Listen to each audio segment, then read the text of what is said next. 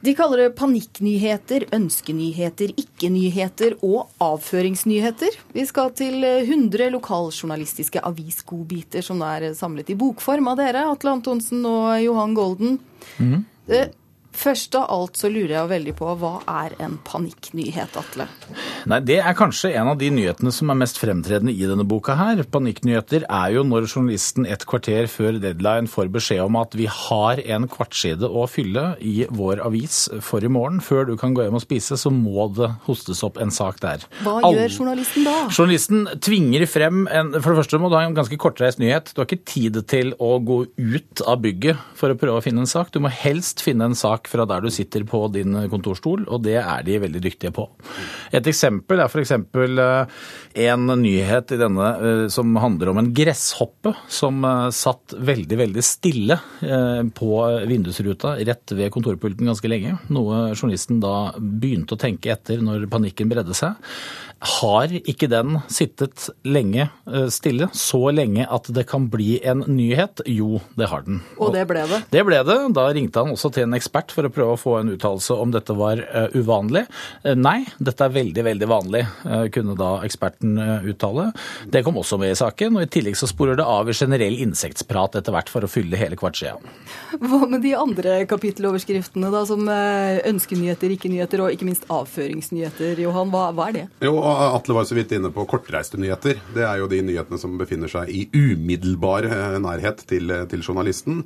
Eh, avføringsnyheter den så vi oss nødt til å ha med da det er oppsiktsvekkende mange nyheter som omhandler eh, avføring. Eh, altså er det avføring av enten menneske, dyr eller eh, fugler eller hva det skulle være. Mye hundebæsj òg? Veldig mye hundebæsj. Her står Ingeborg med to bæreposer bæsj, er også en favorittoverskrift. Ja, da blir det slike måtte, Det er så mange av de at, at da måtte vi bare lage en helt egen kapittel bare pga. det. Men dere, dere, har nå altså samla alle, eller ikke alle, men de 100 beste lokale nyhetshistoriene deres i, eh, i, en bok. Men hvordan kom denne boka til, egentlig? Vi har jo et program på P4 som heter Misjonen. Det har vi hatt i de siste eh, fem-seks årene.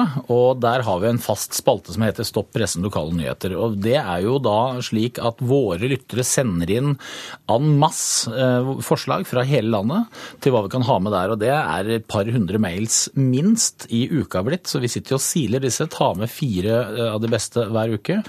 Vi har hatt 1000 på lufta, og dette er de 100 beste av de 1000 igjen. Så dette er destillert vare. Men, men det her er jo altså, jeg, får jo litt vondt av lokaljournalistene også. Hva slags, tilbake, ja, hva slags tilbakemeldinger har dere fått? da? Nei, du, vi har fått stort sett, eh, og jeg vil faktisk nesten si utelukkende, eh, positiv tilbakemelding. Fordi eh, dette er en homasj til lokaljournalistikken. Vi vet det at det tar, er vanskelig å fylle de nye mediekravene. Ting skal ut på nett. Det skal oppdateres hele tiden. Og det skjer fortsatt absolutt ingenting i denne lille bygda de kommer fra. Og da blir det en del eh, Rett og slett det å helt tatt få fylt en avis er rett og slett meget godt gjort, og det er det vi egentlig hyller. Og det skjønner de fleste journalistene som vi har vært i kontakt med. De, de, de ler og syns dette er veldig gøy. De syns det er stas og de syns det er moro, og de sender oss til og med selv sin egen sak som de har hatt på trykk, og tenker denne må jo kunne egne seg hos Misjonen. Så jeg vil påstå at det er god stemning rundt dette. Vi vil jo da f.eks. si at da får vi saker som skulle til venstre, svingte til høyre. Det er, en, det er, en, sak som du ser. Da er du på vei til trykkeriet uten sak. Da må vi bare Skjedde det noe rart her nå? Men hva med, hva med, dette med lokaljournalistikken som, eller dens humorpotensial? Når fikk dere øynene opp for det, da? Nei, det var vi egentlig ganske tilfeldig. Vi hadde for noen år siden en uh, liten spalte som baserte seg på uh, lokalavisen Fjuken. Det er en lokalavis for Vågå, Skjokk og Lom. Der var det ukentlig bisarre smånyheter som vi følte var velegnet som radiomateriale. Og eh, så begynte det å balle på seg. Så begynte folk å sende inn da fra sin egen lokalavis og mente de hadde minst like gode ting. Og etter hvert så skjønte de at dette her er jo stoff nok til en hel spalte. Og det tar aldri slutt. Nei, nei. Det vedvarer, og det topper seg hele tiden med nye nyheter. Så det er ingen nedadgående spiral. Hvem er da boka for? Er det for eh, journaliststanden, eller er det for eh, folk flest? Alle. Det er gode, gamle alle. Ja, dette, si. dette, er den bredeste utgivelsen av noe jeg noensinne har gjort. Dette ler min sønn av på 15 og min far på 80. Så jeg kan ikke si at noensinne har vært involvert i noe som har kommet ut i en eller annen form som har større potensial og større bredde. Dette er høytlesning på julaften, altså. Mm. Så hvis dere da skulle velge ut én lokalnyhet som er den aller, aller beste, hvilken ville det bli? Vanskelig. Ja. Veldig vanskelig.